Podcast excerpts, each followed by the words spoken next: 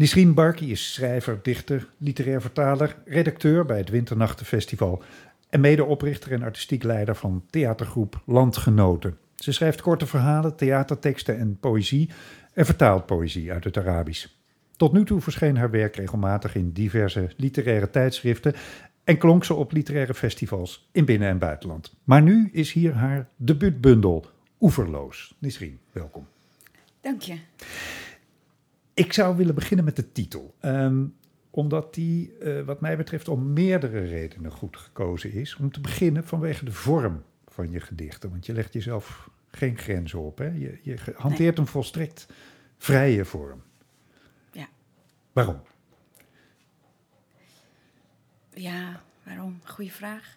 Ehm, ik ben sowieso een beetje anti-kaders en anti alles wat opgelegd wordt. Je bent een beetje oeverloos. Ik ben, nee, ik ben niet oeverloos. Oh, dat niet. Maar eh, zeker als het om schrijven gaat, ehm, ja, wil ik zo vrij mogelijk eh, kunnen schrijven. Ja, En dat kan alleen maar vormloos, kaderloos. ja, En ehm, ja, zo- misschien zonder oevers inderdaad. ja. En dat, dat is ook hoe, hoe, hoe- hoe die teksten komen. Ik bedoel, je schiet nooit in een eindrijm of, of in een strak metrum. Of, Nee, dat gaat. Ik doe het wel. Om, Hmm. om, ook om te testen of ik het kan. dus af en toe, vooral als ik een opdracht heb, dan denk ik, ah, zal ik eens een sonnet schrijven of Hmm. een paar kwartrijnen. Maar ik leg het mezelf nooit op, nee. Nee, nee. En de tweede reden is eh, dat je gedichten ook iets, eh, iets oeverloos hebben in, ja, vind ik in ieder geval de ongelooflijke rijkdom van taal. Dat, dat is misschien een beetje eh, dubbelop om dat te, gezegd, te zeggen van gedichten, maar, maar vooral ook van beelden. Het lijkt, het lijkt wel of je denkt in beelden, klopt dat? Ja, ik, ik denk best. Ik zie beelden, laat ik het zo zeggen. Ik vind beelden en denken niet zo, Nee, oké. niet zo in hetzelfde straatje passen, maar ik zie vaak wel beelden, ja. Dus eh, het begint, heel veel gedichten beginnen met één beeld, wat ik zie. In gedachten of wat ik werkelijk op straat heb gezien. En dat is vaak het startpunt. Dus eh, ja, je kunt er. Ik zie ook echt een filmpje. Mhm. Als, ik, als, het, als het gedicht af is en als het gebouwd is. Want zo zie ik het, een soort bouwen van beelden. Mhm. Dan, eh, ja, dan zie ik ze allemaal achter elkaar. Een stop, stop-motion filmpje, denk ik.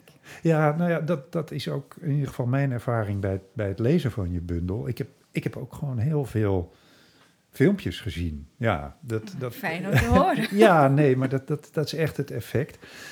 En dan is er natuurlijk de derde heel directe reden, namelijk Ja. eh, dat, dat ene gedicht dat ook Oeverloos heet. En dat gaat over een moeder die, ik citeer, regelmatig buiten haar oevers treedt. Ehm, ik vond het een prachtig beeld, dacht ik, van een vrouw eh wier hersenspinsels met haar op de loop kunnen gaan. Ja, voor mij is het de vrouw die, die inderdaad oeverloos is. En niet alleen qua, qua denken, maar ook qua als wezen. Mhm. Ehm, als zijn, als wezen, als... ehm, ja. Ja, dus voor mij zijn het niet alleen maar gedachtenspinsels, maar meer dan dat. Mhm. Dus als, als een, een mens die een soort van uitdijt en niet meer weet waar, waar ze ophoudt. Nee, precies. En ehm, dus oeverloos. Ik vind oeverloos gewoon een ontzettend mooi woord eigenlijk. Omdat het mij, het heeft me altijd zo enorm gefascineerd. Oevers vind ik heel erg mooi. Maar oeverloos, zoals wij dat gebruiken, is natuurlijk een soort oneindig of zo. Maar die twee dingen bij elkaar vind ik ontzettend mooi. Dat, dat, dat, dat water niet gekaderd is. Dat oevers soms natuurlijk zijn. We kunnen oevers bouwen. Dus dat, dat is een beeld wat me altijd blijft fascineren. Ja. En in welke zin is die vrouw oeverloos?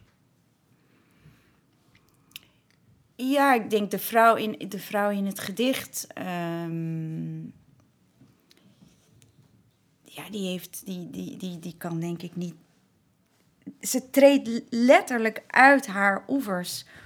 Eh, en die oevers die, die, die, worden, die, die hebben wij natuurlijk opgelegd. Dat zijn onze waarden, onze normen, onze regels. Mhm. Onze, ehm, en daar past zij niet in. Nee.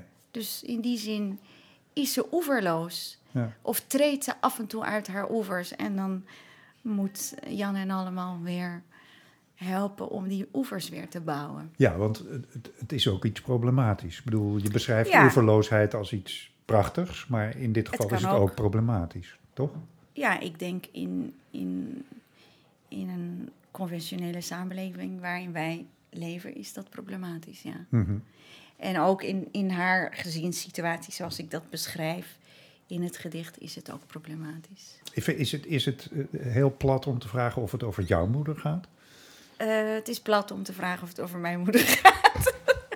maar het gaat, vind ik, over veel moeders. Ja, het gaat sowieso over, Over. veel moeders. Ja, in, het gaat vaak eh, over moeders. in Het gaat bundel. over veel moeders. Het gaat over wat wij van moeders verwachten, wat moeders zijn. Dat is ook, ja, dat is natuurlijk een van de thema's, denk ik. En waarom is dat een belangrijk thema voor je? Eh, ik denk ten eerste omdat ik zelf moeder ben. En ik eh, ben door verschillende moeders opgevoed. Dus het begrip moeder is, is voor mij ontzettend groot. Dat is niet één persoon. Mhm. Dat is, ehm, ja, dat is iemand die je, die je, die je opvoedt. Ehm, en in, in, in, ja, in metaforische zin ja, is het bijna de hele wereld. Of de hele aarde, die je, Mhm. weet je, waarvan je kind bent. Dus dat, dat komt denk ik in alle lagen wel voor in de bundel. Ja, Eh, ja, ja. En misschien kunnen we het breder maken eh, en, en eh, de moeder vervangen door de vrouw. Want de- vrouw Ja. is ook een belangrijk thema in de bundel. Ik, ik citeer even eh, de vrouw in een wereld die gemaakt wordt door mannen. Want, citaat, vrouwen zijn de kroon van de wereld, maar de wereld is van mannen. Ja, helaas. Je kan niet anders zeggen dan. Helaas is het nog zo. En ja, dat is een, denk ik een, een strijd die we, die we moeten leveren. Mhm. En die we altijd aan het leveren zijn. Ik denk ineens aan een, aan een, aan een regel die, waarvan jij niet kan weten wat er staat. Dat is een Arabische regel. Ja, nee, die kom Ik ik, inderdaad eens even niet... ik, heb, ik heb ze niet door Google Translate gehaald, nee. Daar is een gedicht, ik weet niet eens meer welke, waarin staat... Als ik in het concept van moederschap geloofde, waren jullie allemaal mijn moeders. Hmm. Ja, dus daar, in dat gedicht, oh ja, nou weet ik welk. Het gaat om het gedicht wat over moedertaal gaat. Ehm, daarin haal ik ook het concept van een moeder. Ja, ik zie dat dus als concept. Dat is voor mij niet per se eh, een vrouw of een, iemand die fysiek is. Mhm. Dus ehm, dat gedicht gaat over talen en moedertalen, vadertalen, talen die je spreekt. En ik benoem eigenlijk in dat gedicht de talen als mijn moeders Ja, ja. of als mijn ouders. En tegelijkertijd haal ik het, ja, zeg ik, ja, maar god, het is ook maar een concept. Dus als ik in het concept van moederschap geloofde, dan waren jullie allemaal mijn moeders. Ja, ja. Nou ja, dan, Ik dan zoek hem op. Maar, zoek rustig door. Oké. Ehm, dan zijn we bij wat ik als derde eh, thema er in ieder geval uit heb gehaald. Want je werk gaat ook over meertaligheid dus. En daarmee ook over eh, identiteit. Je haalt het motto aan van de, de grote Libanese cosmopoliet Amin Malouf. I come from no country, from no city, no tribe. I'm the son of the road. All tongues and all prayers belong to me, but I belong to none of them. Uh, en ik, je zegt, denk ik, over je eigen taal. Germaanse sneeuwvlokken lossen op in oude Semitische bergbastaards. Um, wat wil je daarmee precies zeggen? Dat jij ook in geen enkele taal echt thuis bent, of juist in allemaal? Uh, ik ben in allemaal thuis. Dus ik heb, ik heb nooit echt het gevoel ontheemd te zijn of zo. Dat, dat is me vreemd. Mm-hmm. En tegelijkertijd heb ik niet een plek of een taal waarvan ik zeg: hé, hey, dat is thuis. En, en die twee, die contradictie, ja, die fascineert me ook terwijl ik schrijf.